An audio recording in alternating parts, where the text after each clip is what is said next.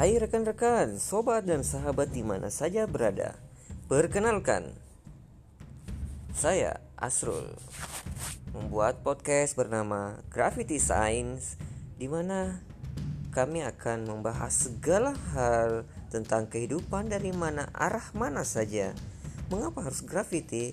Kenapa? Karena kehidupan ini sangat berhubungan dengan gaya tarik menarik dan segala dari kehidupan ini bisa kita sainskan.